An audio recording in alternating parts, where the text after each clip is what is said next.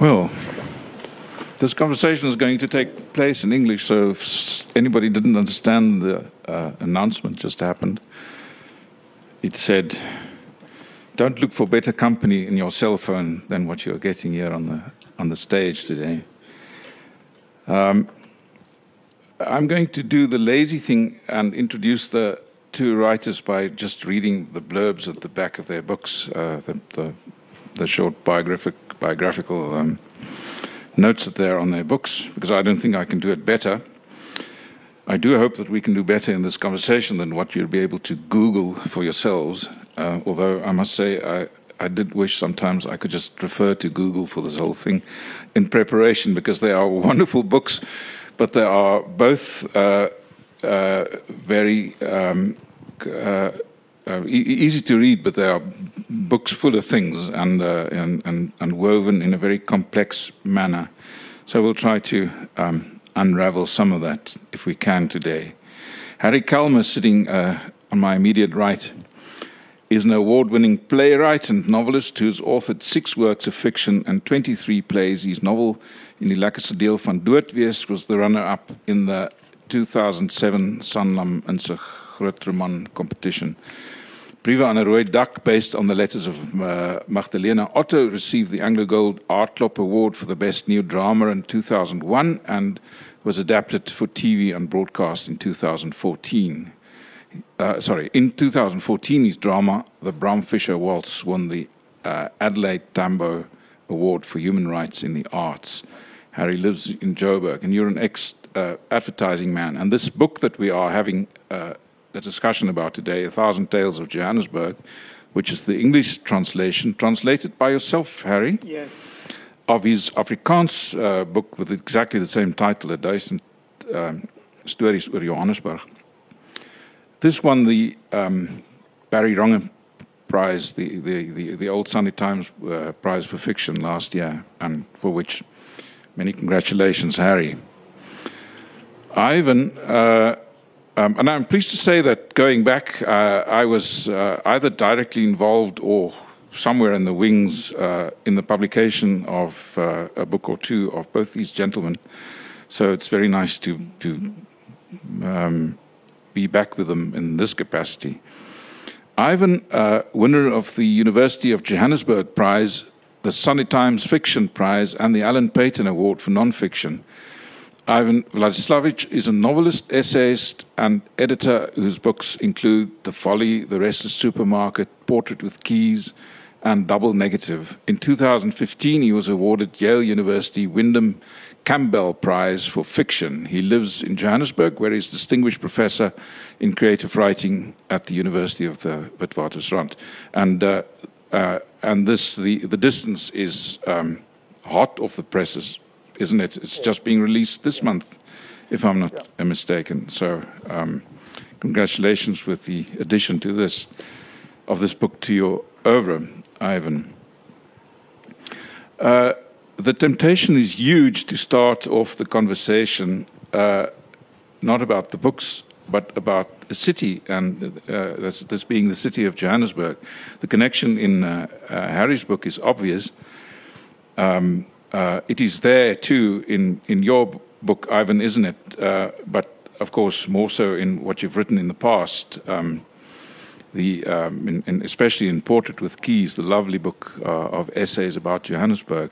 But maybe we can kick off and just talk in general about Johannesburg. And if I may ask the question, what is it with Johannesburg um, that makes it such a fond um, topic for both fiction and non-fiction, because you know, many other books have been published about the city in recent times as well. Ivan, may, maybe you. Well, I think um, Johannesburg is a difficult place to live, which makes it appealing to writers. Uh, it's a very changeable place. It's a very challenging place, um, and and those are conditions that that make you live in a certain way and think in a certain way, and they make for good fiction. I actually grew up in Pretoria, and so for for me as a child, um, Pretoria was always the slower, smaller, quieter place. Um, Johannesburg was the big city, and it was the place I always knew I would go and live. and um, and part of that was to be in a situation where um, I would be able to have a different kind of life, and I think that's that's something that Johannesburg allows for. And seeing that we're in we're in the business of making things up, Johannesburg is the kind of city where you can make things up on the page and in your life. Could could you even uh, outdo Johannesburg in fiction? Can you capture it? Do you mean? Yes, and Well- uh, oh, oh, yes. Um, I, I, don't, I don't think so. I'm, I'm not sure that you can capture any city really in a single book, especially not a place where people's experience of it is so variable. Um, and given that we live in a country where people's insertion into things is so different, I, I think it's um, one can capture the complexity of the city, but one can't do it comprehensively. And I think what's exciting about the writing about Johannesburg in the last um, few decades is that so many people are writing about the city from different points of view. And if you take that collective writing, you begin to get a sense of what the city's about. So, what is Johannesburg to you, Harry? Your book is directly about Johannesburg. Johannesburg is, um, there's a wonderful line in a Lorrie Moore story about people during the Vietnam War, American lefties discussing the facts uh, that they want to immigrate to Sweden to protest against the war in Vietnam. And the one character says, so Why are you staying in America? And she says, That's where my stuff is. Joburg is where my stuff is. You know, I landed there in 1959 at the age of three. And although Sampad and I spent time living abroad, you know, Joburg is where, I mean, she moved here when we got married. So, yeah, that's where my stuff is. You know, it's, a, it's almost incidental. and stuff being everything. Absolutely. Uh, you talked about the diversity, of course, Ivan, um, and in your book, uh, so richly uh, gifted with characters, uh, Harry, and they are from you've you've drawn them almost from every corner of the world, um, uh, and that is not just uh, mm, for the sake of fiction. I'm uh, I'm sure, or is it? Well, It- I mean, you, you get the impression from, from your book, Joburg, sorry to interrupt, um, that's just a place of refugees almost, or people on the move. Yeah, that's interesting. I mean, uh, we had this discussion yesterday with Hanali, and she said that a lot of the people living along the, along the Jukskei, you know, down the Ballas Park in Bez Valley, they're refugees. So I think Joburg has always been like a refugee city. Yeah, and um, I think, well, as for the characters being so diverse, um, I don't know if you remember then, uh, Ivan, the, the Chinese family in, in Yeoville who used to own the pet shop that spoke Afrikaans as the first language. Now, you coming from Pretoria are used to Afrikaans speaking Chinese families, but in Joburg it was quite rare at the time. And that was the seed about 20 years ago. I wanted to look at non Afrikaner uh, families speaking uh, Afrikaans at home. So obviously, you know, your first touch is your Hindu family, your your Muslim family, your Chinese family, and then one one group I couldn't get to, and afterwards I thought it was, I realized it was quite difficult, or I realized I made a mistake. Was the Lebanese? I wanted to write about the Lebanese. I couldn't get anything on them, and so yeah, I sort of like, you know, the way we sort of cannibalize the lives of others. Um, you know, I think I sort of, I had this idea of like somewhere there's a, there's like an invisible Afrikaans speaking community in Joburg, and I wanted to build that up, and which is why the Jewish community fell through the cracks. Not only because they're great fictioneers to start off with, so mm. they've written Joburg mm. very well. So yeah, that was my thing, you know, like putting these different communities on paper, and of course, as as the book progresses, these agendas fall through the cracks, you know, and the Yeah. book becomes something totally different. And also the limitations, the physical limitations of writing a novel probably uh, also limited uh, how many people you could actually bring into the novel. Uh, because of the, there's, of course, much more. Uh, and, and certainly not only the, the, the whitish um, part of the Joburg community. Yeah, I think Wait. that's that was interesting for me. What Yeah. happened to our well, you know, our hood when we were young is like it's Congolese and uh, Zimbabwean and um, Senegalese now, you know. Exactly, so, yeah. and we still live. Ivan lives up the road. I live literally next door. Uh, I mean, we've seen communities change, and I remember scraping off, you know, a piece of paint falling off the lavatory wall in lavatory. What a quaint word, of of the toilet wall in in in, in the Oval, and there was a handwriting. Um, somebody's name, an English sounding name, 1927 in pencil. You know, so before the Bohemians and the students came to Yeoville, the Jews were there, and before the Jews, there were the Cornish and the Welsh, you know, and all those, those guys that came from the UK to work on the mines. I think they found, and of course, Herman Charles Bosman. So, But it's and it's worth reminding oneself when people speak about the cosmopolitanism of Johannesburg. That we nearly always refer back to, you know, the 1940s or the mm-hmm. 50s. People mm-hmm. say Hillbrow was a very cosmopolitan mm-hmm. place, and it's true. It was full of immigrants from Eastern Europe and Germans and, and, and so on. But the fact is, it's still that. It's just that the nature of the cosmopolitanism has changed. You know what? The, the kids jumped on the sofa a couple of years ago, and I went to look for an upholsterer, and I found a Senegalese guy, and I realized this was the house where Herman Charles Bosman shot his brother. You know, when I looked, no, but shit, this is the house. You know, so that is how, you know, like this. I, in London, it would have had a blue plate. You know, like Oh, this is sure, the place should have. where Herman Charles Bosman shot his brother. You know, but in Joburg, yeah, it's, you know, they're new people, new generation. It's like an ethnic palimpsest of different. Totally. But, you know, it's, it's strange you mention this because um, I had an email quite recently from a young journalist who is living in Bellevue. Um, and he wrote to me and said, Can I tell him? He's trying to find uh, books about that area. And there's not that much. I mean, there's Barney Simon's work and um, there's Clive Chipkin's books on the architecture of the area, but there's no, I couldn't think of too many social histories, readable social histories of that neighborhood. But he wanted to know, he had noticed the reference to um, uh, uh, Bosman and his, and his stepbrother in Portrait of Keys, and he wanted to know the address from me because he wanted to go and have a look at it. So I think there is, there is that also uh, kind of revived interest in the history of the place. Yeah, that's great. You know, as long as they don't come through with holding their yellow umbrella in the air and you know, like bodyguards protecting the whiteys from Parktown North. You know, so yeah, I'm all for you know cultural tourism up to a point. Uh, well, we, we can try, but I don't think that would be too productive if we try to make one on one comparisons between your books uh, uh, all the way, because there are other similarities, but of course they diverge uh, hugely too. Uh, uh, Ivan, your book is, of course, not about Johannesburg. It takes place partly in Johannesburg, partly in Pretoria, but it's about one. it's about uh, uh, something else too. And maybe uh, uh, you could just tell us in a in a nutshell what the book is about. Yeah, well, mm, if I could start with a digression, and I think well, that should just be suspended over this entire conversation. I think, um, um, you know, the I th- uh, no, wait, me, I'll come back to that. The book, the book is essentially about um, a schoolboy who becomes infatuated, obsessed with Muhammad Ali, and he, he arrives at that obsession through the newspapers. So. Um, the the fight of the century, the, the the great fight with Joseph Frazier, which happened in March of 1971, turned a whole lot of people who were not really boxing fans into followers of the sport, and especially into followers of, of Ali himself. And the the main character is is a character who who develops this obsession.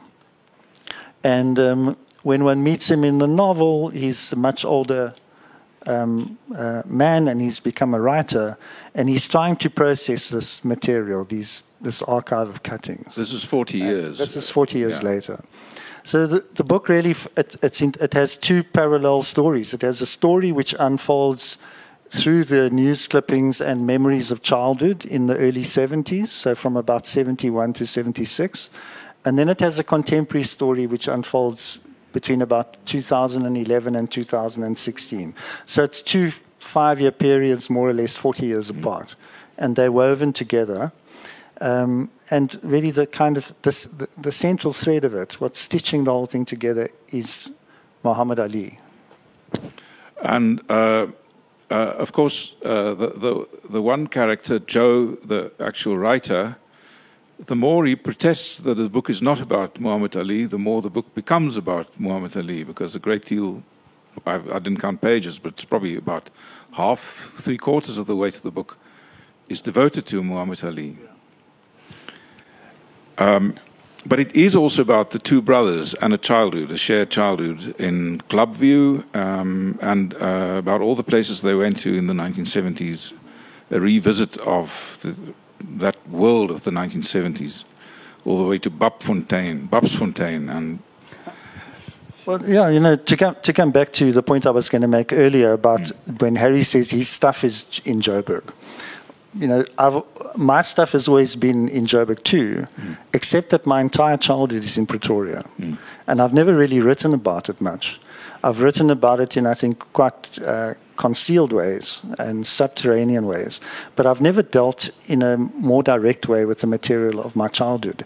So I've got stuff in Pretoria, and in a way, this book is about going back to collect that stuff. And, um, and yeah, I don't want to ask this the the the, uh, the very um, simplified question of you know how biographical whatever the book is, but you talk about your stuff, and it does sound as if Muhammad Ali must have been part of your stuff as a young boy.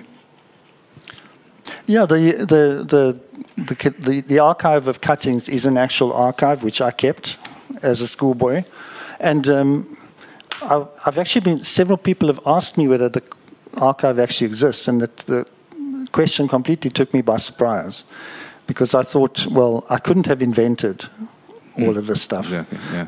I, I, suppose I could have, but it would have been an act of madness to actually to invent material like that. For me, the book would not have existed without that material.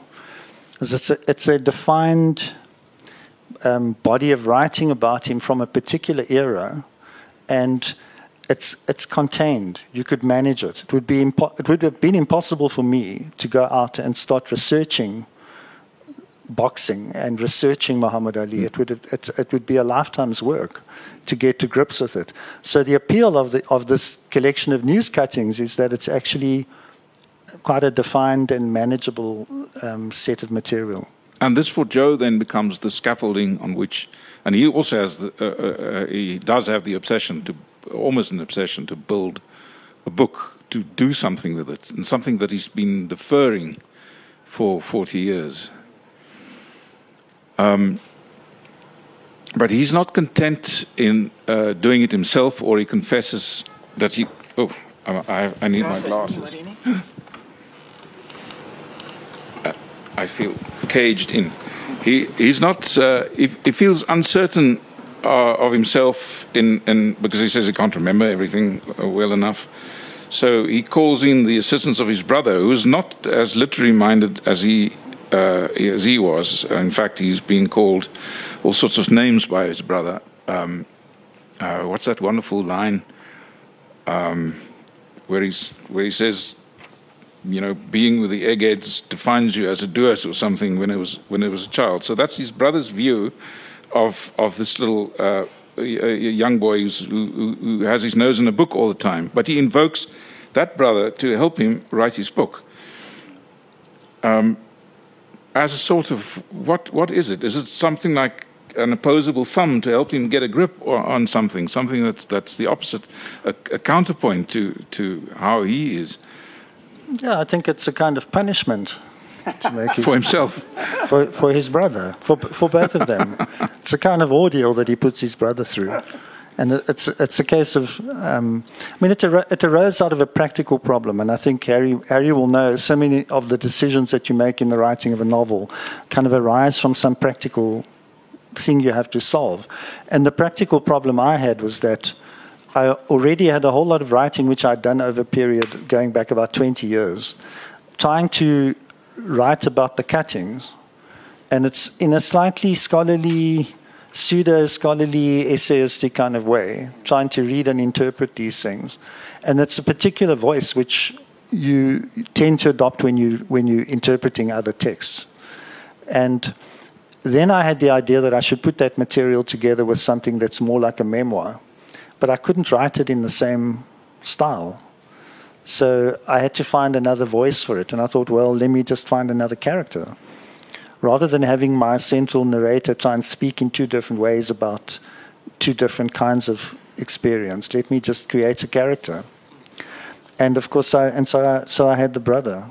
So he passes the buck, passes the book to his brother. Hmm.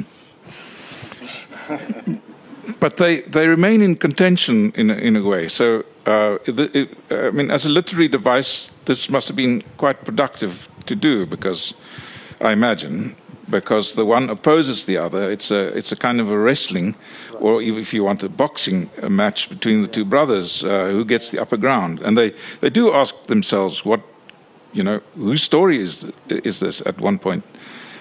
Yeah, no, I think there's you know there is there's a lot of um, a lot of writers have been drawn to boxing because it has a kind of metaphorical uh, mm. richness to it. It feels like a like you, a, a, combative thing. You know, it's actually quite a macho perspective on what writing's about.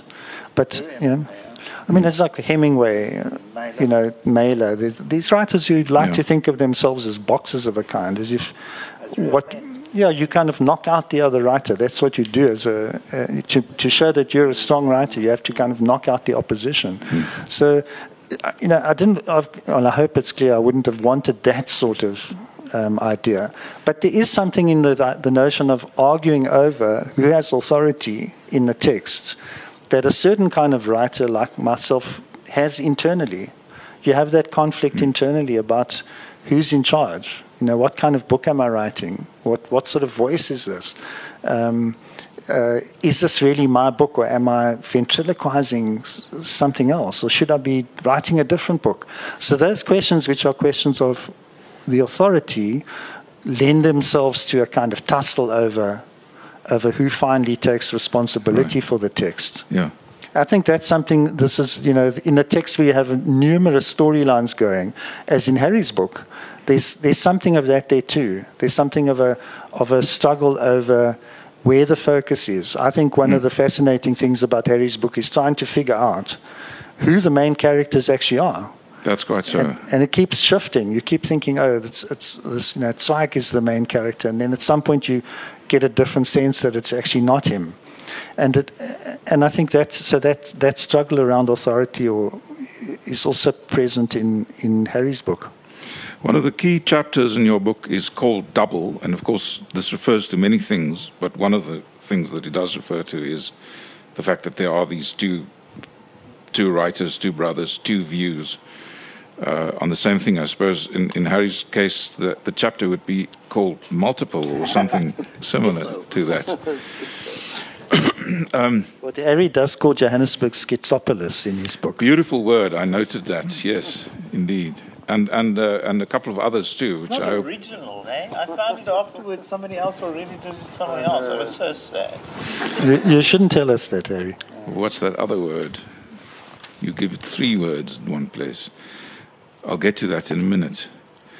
Um, Ivan, I think it would be a mistake for anybody to read a book uh, by you and not uh, suspect that there's uh, something going on underfoot as well uh, and there's there's something which I took as a uh, uh, almost as a challenge on, on page 18, where where the word code appears, almost like a warning that things are things are going to be said in code. Uh, much of which is about writing, isn't it, and about reading and about art and representation uh, of the world.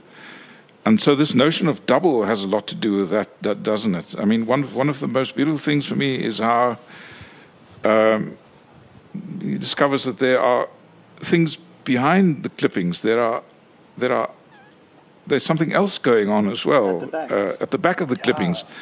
Just uh, random uh, notes from everywhere uh, things that, that, that, appeared in the newspapers. And, and you have these little quotes at the beginning of every chapter, too, that, that seem to have nothing to do with the book itself.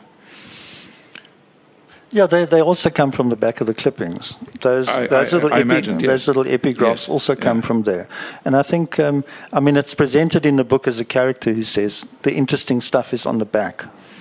Um, but it's something that I think um, I was asked this question a few weeks ago, and I think I was primed for that by the the work that I did as an editor with um, social historians like Tim Couzens, um, who spend a lot of their time in newspaper articles, you know, ch- chasing down information when they're following a particular story or trying to piece together a biography. And Tim always used to say that when you're doing that kind of research, the most important stuff is not the story that you actually find, mm. it's all the other stuff around it. It's, it's, the, it's the everyday material that the big stories are embedded in that really gives you an understanding as an historian of the period that you're looking at. It's the classifieds, you know, when you, it's the, it's the advertising and the, and the, the little pieces of information that you pick up in that context. That, that's really the, the, full, the full picture. And that's why he was, he was um, so disgruntled about the digital, present, digital mm. media, because mm. in a way that's, that's lost. Yeah the, the, a, di- a, digital paper just isn't a time capsule in the same way. Is it fair to say uh, that it almost seems that uh, while we are making art, there's something else going on in the real world altogether? Um, I mean, I, th- I think I know what the answer is uh, because the real world starts intruding into into the the very making of the art and what happens to the two brothers. Uh, are these two, uh, and, and, and, and so it's being drawn into the work of art that is this book, uh, isn't it? Or um, can we see these things separate? Um, the, the, the real world and the and the, the fictional yes. construct. I don't think so. No. I mean, what what else does one what what does one make work from if not that that that experience? So, um, and that, yeah. I think Joe says at one point, um, it just wouldn't work. I can't quote the quote here. Um, it just wouldn't work if you if you make it up. Yeah. Um, the the double seems to also refer back to uh, double negative, where the the concept of a thing and its converse uh, uh, and how they are integrated in the, and, and, and the relation between the two uh, is, is played out in the photo, with a photographic metaphor. Um, were you thinking of that? Um, I wasn't thinking consciously of it in the in the actual terminology as you've put it to me, but um, there's certainly a connection in the the, the, the interest in in photography. That I think that um, I, I, had before I wrote the book Double Negative, but it was really strengthened by that experience. And so I think one, one of the things that interested me about the archive is that so much of that of the world used to come to us in images, in still images, whereas now the world tends to come to us in moving images. And I think that's a big shift. That's a really big change. So that's what, yeah, that's um, trying to understand in looking at these black, grainy black and white images of sporting events, try to, trying to get back to what it felt like to see sport in that way. You know, a week later, a week after the boxing match, to see the images hmm. as, um, and yet we, t- we took that as our, what felt like quite an immediate access to the event. And now, if you're not watching it live, you know, streamed on your phone, you feel that you're not there. Yeah. Uh, in fact, the book is also a, a little bit about uh, the medium, isn't it? Uh, the the shift towards uh, from from the analog to the digital, um, and how that changes the message, or how would you say that does that it does change the yeah. message? Yeah, I think it's that's I think that's really at the heart of it. That was one of the things that was key for me was trying to understand that shift, mm. um, and I think it's partly the it's it's the fact that the world used to be much more poised and posed and came to us in a very particularly quiet way compared to how it comes to us now, which is in a torrent of noisy information. That's a very simplistic way of look, putting it, but that's how I feel right now. The photos, in one point, are described as the world stopped in its tracks. And uh, this is something completely different to the torrent that you've just described. Yeah, I mean, there's, there's a, I don't know if I should tell the story. It's a little bit long, and I think, um, but, but there's, I'll try to do a condensed version of it. There's a famous photograph of Sonny of Ali after he knocked out Sonny Liston, mm. and it shows the people who are sports fans would recognize it immediately. Incredibly famous picture of Liston lying on the canvas with Ali standing over him, and he's saying something to him. And I saw. Eh, I went and looked for that moment in the in the actual fight on YouTube, and I couldn't find it. And then I saw an interview on one of the boxing shows with the photographer, and he points out that, in a way, that that moment never happened. It just it came and went in an instant. He just happened to take a picture mm. as Ali was dancing around Liston. Mm. And the, the image looks as if, as if he was standing over him and, every, and it was all still but, it, but it's just an, a moment lifted out of the flow of time. And so it's that, I think, is at the heart of the difference in terms of. So you have this monumental image presented, and, and it becomes representative of that entire fight, is that moment. But actually, it doesn't really exist. When you, when you look at the footage, you can't find it. That's amazing. This reminds me of that one scene where, where they watch a video, a little film that. Uh, that Branko, the other brother's son, had made.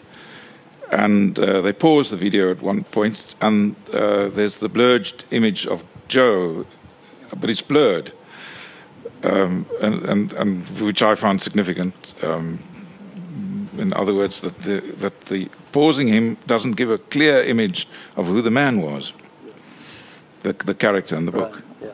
Yeah. yeah. Um, I, would like to come back on, on something else, maybe if we have time uh, later, Ivan. Um, um, uh, and that's the, the, the, matter of violence, uh, because boxing is, is a very violent sport, and the book doesn't shy away uh, from describing some of the most uh, uh, really shocking photos of these various boxers after boxing matches. Um, but um, if you if you come to to uh, Harry and you telling a story about Joburg is probably impossible to tell without bringing violence into it. And there are several of your characters uh, um, are there because of violence. Almost, almost, all of your characters are, are. It's almost as they've been shoved into the book by some kind of violent event from from the people who've been chased off their farm in the uh, in the in the Anglo-Boer War, isn't it? Yeah, I think sort of as a subtext in the, in in the book, sort of the, the, the omnipresence of violence in Joburg, and sort of not only sort of random individual acts of violence between individuals or on individuals, sort of orchestrated violence against communities. You know, is is quite a thing. You know, I mean, starting in 1903. Um, with with the violence against the Chinese. Um, uh, 1914, the, the, the, violence against the, the Germans. 1945, the violence against um, the, the, the Afrikaans guys with the beards, you know. So, and then of course 2008, the xenophobic violence, you know. So there, there's a disconcerting historical string in Joburg about violence, you know, intercommunity violence. So, so that was a revelation to me, you know, to, to come to that point that, you know, you write about this place, and I must say. I had an opening line for the book for many years, and normally that's a good sign for me. Eventually, it ended up on page 47, but anyway. Um, and so, but that thing of violence sort of crept into the text. But I mean, that weekend in 2008, you know, like, you know, where we live, and then like sort of seeing Belgravia explode, you know, like suburbia exploding with, with sort of things that were supposed to happen in Shackville, you know, was was a was a trigger, you know. So so violence is there, but there's also some other things, you know, there's some lack of things. And and for me ultimately is Joburg, the Joburg one of the things I didn't crack in the book, as you know, Bosman Hiemstra is a bad poet. And I tried to write bad poetry for him, and I realized I'm not even a bad poet. but one of the lines that I do remember from that time was he said, Johannesburg is net 'n stad wat my Johannesburg bestaan het op papier. And I think that is what I like about writing about something because it's that sense of artifice of like sort of recreating something that doesn't actually exist. So yeah, so violence, I suppose, is almost becomes gratuitous, and, and ek weet nie of ek die woord reg uitspreek, maar anyway, how do you say that? Gratuitous. Yeah, gratuitous, um, and uh, and then you know, and and you, you know, but it sort of like fires the the whole story. And I mean, the images. I've always been fascinated what happened uh, on on, on Kristallnacht. Hmm. You know, And it's I- in the book too. yeah, yeah. So I've always been fascinated by those things, and I remember 19. You know, I'm young enough to remember 1976, 1970. You know, living through the 80s through all that violence. You know, and and you just. It becomes, I suppose, part of our DNA. You know, I, I sort of like somebody once says we, we all suffer from post-traumatic stress disorder in South Africa. You know, and I think like in a way those things sort of settles in your DNA, and as the esoterics will say, like you also get intergenerational violence. You know, like that is why the whole blow up last week um, around the concentration camps is quite interesting. That people still feel that that violence perpetuated amongst people who are their next door neighbors. You know, like what happened in, you know, in in. In, in the former Yugoslavia, for instance, it's like sort of the violence sort of just spills out after so long, and I've I've always been terrified of that, especially in a country like this, you know, where so many people live alongside each other. So I think it's sort of like we all have that that sort of genetic and very importantly for my generation at least, is that propaganda that was perpetrated in the name of the apartheid project, hmm. like, you know, the swart gevaar, die rooi gevaar, and all those things. So I think there is a, a sort of knowledge of violence, and I think it sort of it serves as a backdrop to propelling stories. But hopefully, the the the human story is more in, not that violence is non-human, but that that the human story, the the sweet story, the the almost anecdotal, also finds a place alongside violence. Uh, well, I think that's why the the the um, description of the city as schizophilus is so apt. And and uh, there's the one character, Richard Ho, says, you know, the, the photographer, isn't it? Where after, you know, it's a strange pl- place where uh, you, you you you go and cover the extreme violence um, in various places in the city, and then you go for a for a nice night out in. Um, in Troyeville or somewhere at a, at a bar, and and uh, it's almost as if you have to live like that. Um, it's the only mode of existence. But there is a melancholy undertone, or is it just me to the book? I, I felt Melancholy. yes, I felt an extreme. Yeah, yeah. I, I, I, you know, I personally love the book. Uh, the stories, it's so human, but there, there's a sadness clinging to the whole yeah, thing. Yes, smart fraud all over. Yeah. I would say smart fraud. No, I think once again it's genetic. I mean, I come from on the one side, I come from Karoo Doppers, you know, deep melancholy people, and on the other side, I come from Swedish. You know, my my family comes. I come from Swedish. My family comes from Sweden, Swedish. and so you know, it's sort of like that Protestant on both sides. My God, I thought I escaped Protestantism, but there they came from both sides. So I've got this like double dose dose of Protestantism and melancholy from both sides. You know, so I am by nature. Like I remember one of the first reviews I ever had was a woman in uh, in Port who wrote kan net nie meer nie. And I think like that's sort of like melancholy and, and, and donkerte has like sort of informed my writing for so long. I try to be funny, you know, but what the hell, you know, sort of melancholy is my, and I suppose maybe it's a conduit to away from something in South and and maybe that's why I'm not really an autobiography. Autobiog. How do I say that? you guys know what I just- mean. just maybe I don't again, write maybe. because myself is is because I, I, I don't really have a sense of, of, of, of, of like you know I don't think my personalities are really interesting. When when you were talking earlier about Joburg, like everybody writing about Joburg all of a sudden, I I feel a bit like a Johnny Come Lately because you know you were there. You know we published a few weeks apart in 1989, right? And Ivan was there in Joburg, bada, bada, bada, and here I was writing about America and writing about Europe and writing about Angola. I like. It took me a long time to actually come home to Joburg. but you so- won the prize. But uh, uh, and Well, so did Ivan. you, Yes, you, indeed. you also have to consider that Harry's first book of stories was called Die Waarheid in Other Stories. Yeah. And if that isn't a prescient title, then I don't know what is. Yeah. Yeah. yeah. I think uh, it's good to point out that Harry actually thanks Ivan at the back of his book for um, for uh, uh, um, you know reading it for him, and it seems the contract hasn't expired yet, so Ivan is here to help correct Harry's grammar for him.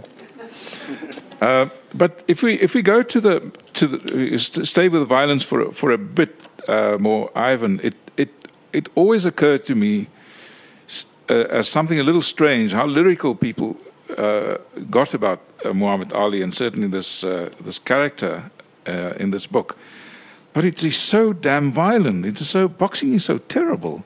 Isn't there a contradiction to uh, you know these these lovely words and and uh, and several writers are being uh, are, are, quoted. Uh, uh, many of the sports writers who were were uh, probably all bad poets, but they they um, they go almost to poetic lengths in in describing Ali, and then of course he himself. And one of one of the I think chapters in the book is called poems or poetry or, or, or something like that because he he wrote little rhymes himself as a proto rapper almost. Right. But the boxing is so violent. Yeah, I think I think that's true. I think. Um, well, I've got a lot to say on this subject too because I've thought about it a lot as mm. I was working on this. Yeah. Um, I think one of the things is that he did transform the way the sport looked. So if you if you look at the early fights and what he's doing in the boxing ring, it looks much more graceful and much more athletic than most of what you see in the boxing ring, which is simply two people hitting one another. Right? That's that's how it was.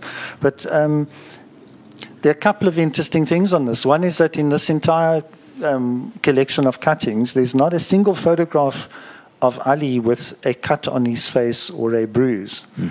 And it's partly that he was very good at avoiding being hit, but it is nevertheless true that he got hit all the time right? Because it is a violent, it's a violent um, sport, as you say, and many people don't even want to think of it as a sport.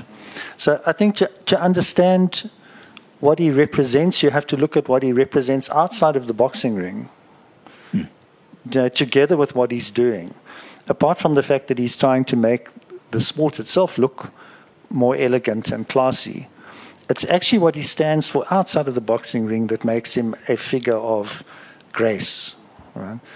You know, George Foreman, after, when he dies, there's a quote in here at the end. George Foreman says, You saw him walking down the street. He was a beautiful thing to see.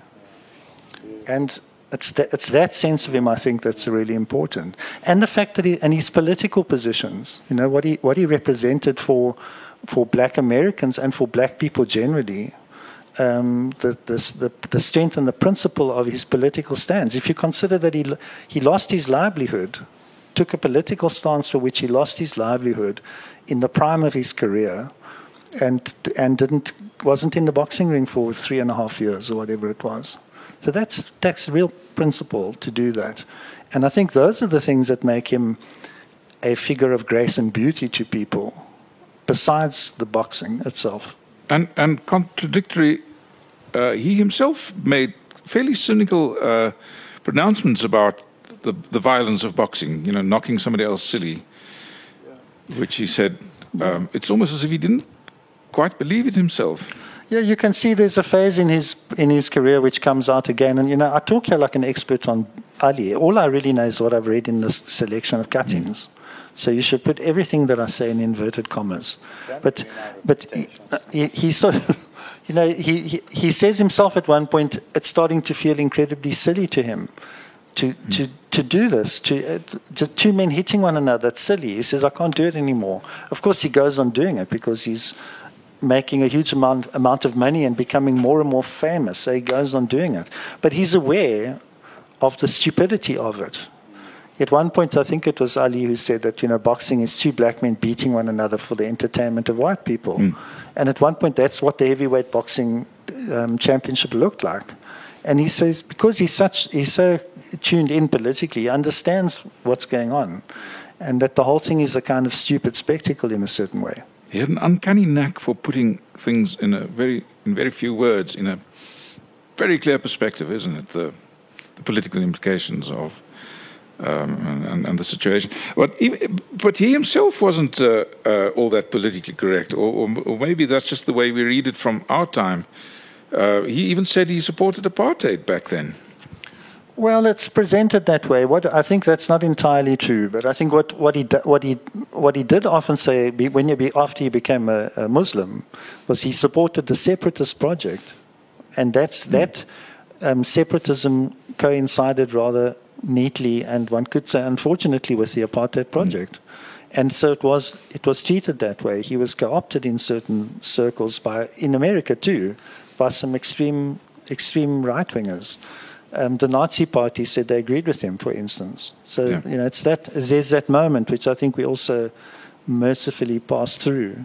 Um, but it, it's not just that. I think what's what's fascinating about looking at the reporting of this era is the, the sorts of things that are reported, um, the sorts of insults that he that he hurled against the boxers that he fought, the way that he the the the, the way that he played on race, for instance. The, you know, when be, before some of the fights, before the, the big fight against Foreman, he said, when we get out to Zaire, George Foreman's going to be the white man and I'll be the black man. Mm.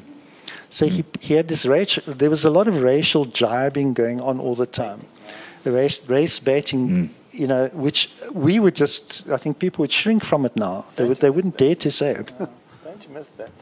like, people don't have the courage to like... Yeah. In a way, yeah. in a way, there was a lot. There was a, you can see there was much less constraint around what you could and couldn't say to someone else.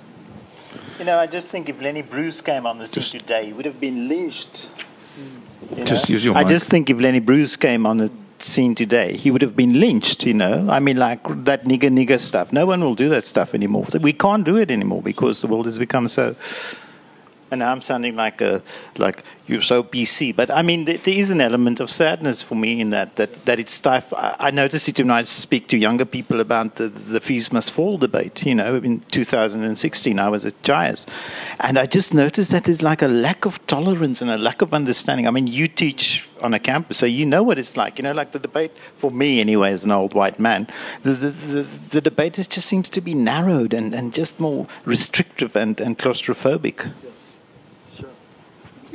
I suppose your book needs to go with a trigger warning, doesn't it, Harry? For, uh, just for, for some of the language use, but uh, um, uh, you know, in, in a, to a lesser extent, that of Ivan. In in in, in how people uh, can, people of the time used to talk about black people, for yeah, example. Yeah. Um, you you never gave it consideration. I hope that you had to soften your language or skirt around the issue. Well, I don't.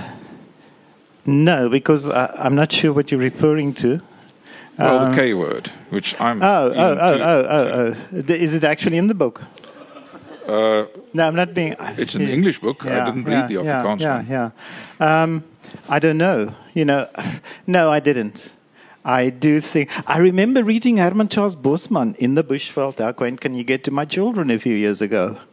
And then sort of coming across the K word, you know. And mm. I mean, for me, growing up in apartheid South African, those things, I remember my parents crying out in pure delight, you know, uh, as Patrick Mynhardt used the K word on mm. stage, you know, mm. and reading it to Yana and Daniel they weren't young anymore. They, Daniel was in matric or just finished school, and Yana was like early high school. They were totally outraged by Bosman, you know, the, use of the K word. So I think it's sort of like, and I suppose it's that type of thing. I mean, I'm not being mutzbalach or anything, but maybe that is how people spoke in those days. Yeah, there's also, I mean, the, the one aspect of this that that I was interested in, in, in this book is the kind of um, the it's a kind of care, carefree, unthinking prejudice that everybody had about everybody else.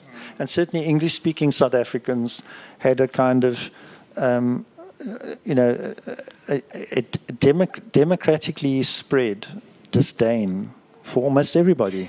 and it, it comes out, you know, it comes out in a particular sort of language. It, mm. And it's, you know, it's it's and the, that language is used here for that reason, the language of Dutchman and Aitai and all of this.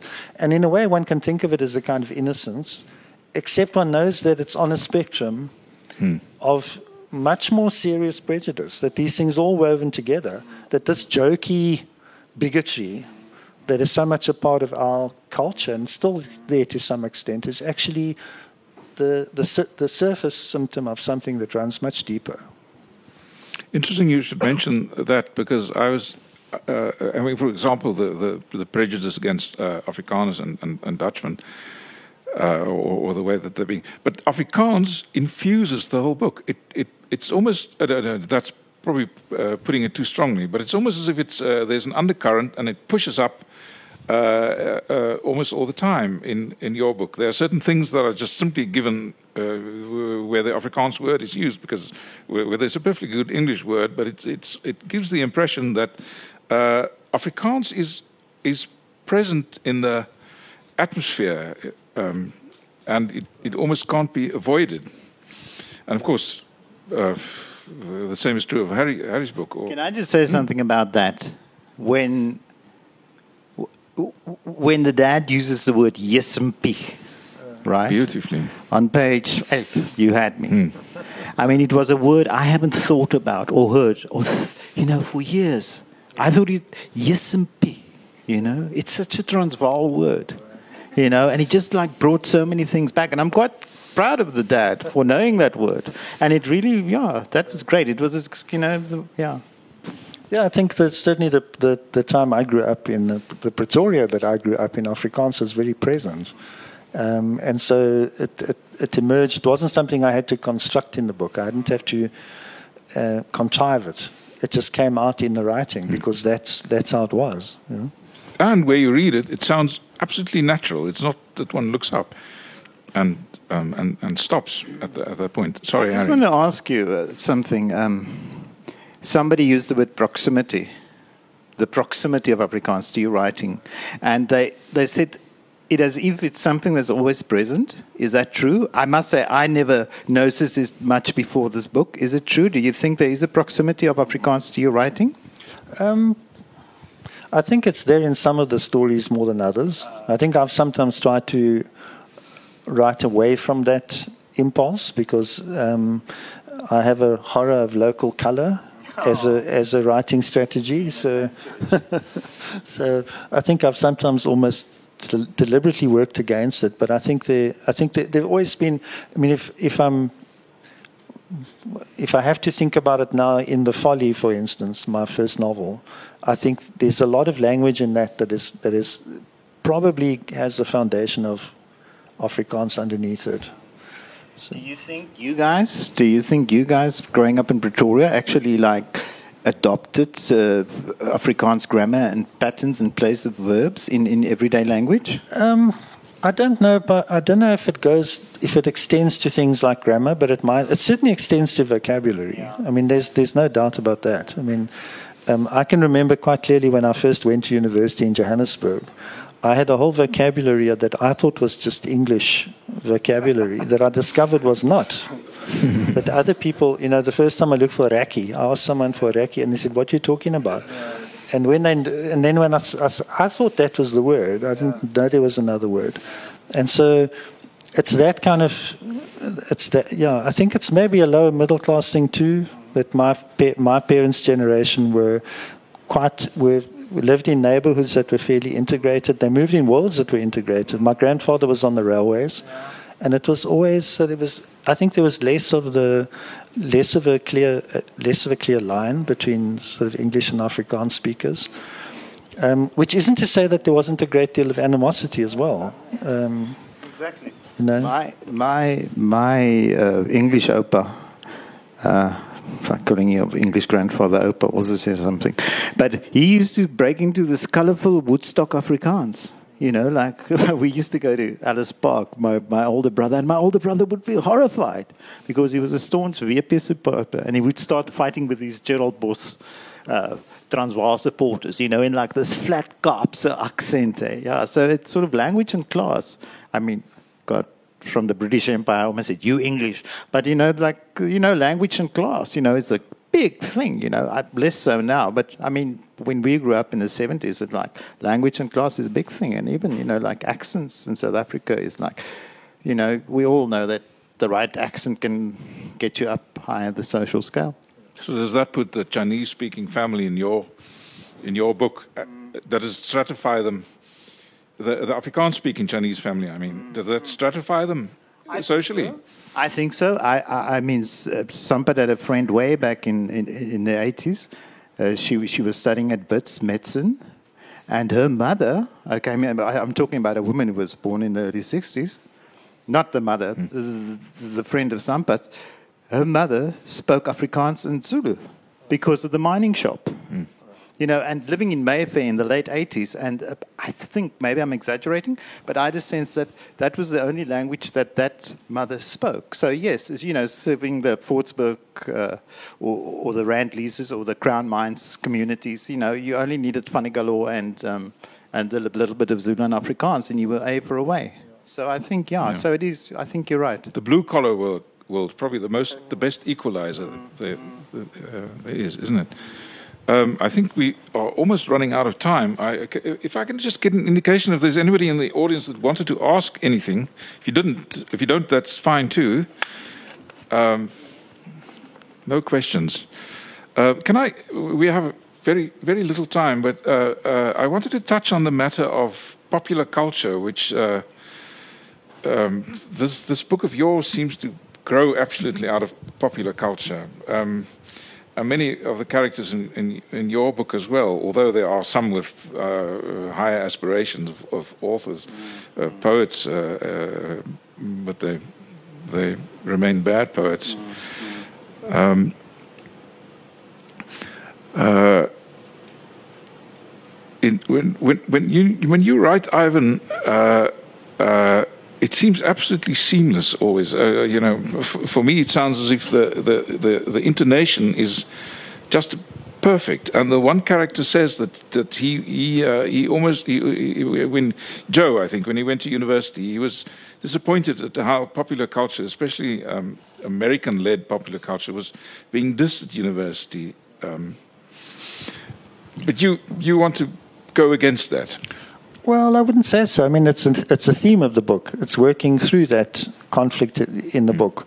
But I would I would say that you know I didn't come from a a, a highly educated or, or, refined family, and so the experience of going to university is, was a real, an amazing, amazingly um, you know mind mind opening experience in some ways, but also quite a difficult one to discover how little that that one actually knew about the world, to discover that many of the points of contact, the points of the cultural references didn't work.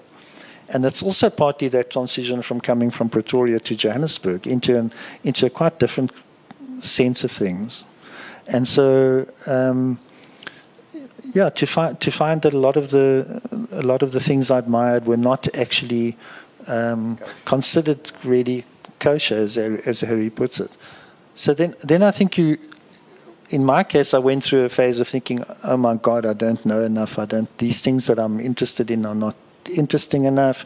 Then you go through a phase of educating yourself, trying to develop a different set of tastes. And then hopefully, as you get older, you start understanding how all of this works. What kind of, what's at stake in all of this mm. cultural um, uh, posturing and claiming of mm special connections with things, and you re- and you reintegrate, or you try to reintegrate into your, some balance into your into your cultural life, into your intellectual life. That there's a place for whole, for incredible ranges of things. That it's not one it's not one or the other. You're not either a high culture person or a low culture person. There's actually there's so many gradations of that. Harry, a final question maybe uh, to you. Um, so this book is titled "A Thousand Stories of Johannesburg," and the one character uh, makes it a. Um, uh, she has a project uh, uh recording stories that people are telling, and she makes a point of um, differentiating that from cultural history or uh, something more formal. Um, so. Johannesburg is then a collection of stories. I suppose, yeah. That's a question. Yeah. Yeah, I suppose you're right. I think that, God, you know, in my lifetime, two words that are very dear to me I've seen seriously abused. The one was creativity, and the other one is storytelling, you know. And I'm just so wary of, because I love storytelling. I mean, I am I think in another time I would have been a kakprater in a bar. You know, I love, and if I had more self confidence, I probably would have been. I love storytelling, and I think that all our stories, you know, sort of make us what we are, and the stories we we tell ourselves also make us who we are. You know, I mean, Ivan was talking about coming to the realization of of the, the, the uncoolness of of of, um, of American culture. I didn't. I went to Takis. I didn't know this shit. So the first thing I did at the age of 21 was I went off to America and I was going to go to Yale and I was going to study drama and I traveled through America and I was, you know, I was so in love, you know, Lenny Bruce, Bob Dylan, Bruce Springsteen was even around then, you know, you were just so in love with American culture. And so I've always like aspired to that American culture and then also I've always subverted uh, not subverted. I've always loved photo comics. I was so glad to see Mark Condor in your book. Yes, Mark. I love Zelnadia and Die Wit and Die Swart Luiperd. And, you know, I love that shit. You know, like I remember when I wrote my first novel, uh, uh, X-ray it, it became X-ray Versagi, but it was called Die Geskiedenis van die Unie van Suid-Afrika, Unsa Amen. And the character's name was the Unie van Suid-Afrika. But anyway, I remember writing pieces of that novel in speech bubbles, you know, like sort of this, and cutting it out in my newspaper and sticking it down and it's blurring the, you know, of course it didn't make it past the publisher's desk, but yeah, you know, it's so, so I, I love popular culture. I'm quite, now that I'm old, I, I mean, like, I haven't, I don't think I, I've never watched Noord van Noord. And there are things I don't do anymore. But I used to, I, I, I'm a bit of a trash queen, I suppose. You know, I like, I embrace shit. You know, like I love graphic novels since well, ever since it was, you know, long before it was hip to love, and then I lost it, and then like a lot of my influences. I, I started writing at the age of 21, and all my input up to that point was um, was popular culture, was the movies, the Saturday afternoon movies, and comic books, Dennis the Menace, and Archie, and all those things. You know, so yeah. It's a pity, but we have to stop. Um, thank you very much for your um, presence, and thank you so much for Harry and Ivan, and uh, best for the future. And we hope these books sell the hell out of the market. Thank you so much, thank you and thank you very much for coming. I mean, I'm, Thanks. I've, I've worked so often in English at Afrikaans festivals, and people just don't pitch up. So I was so happy to see that we actually got an audience today. Thank you so much. Thank you.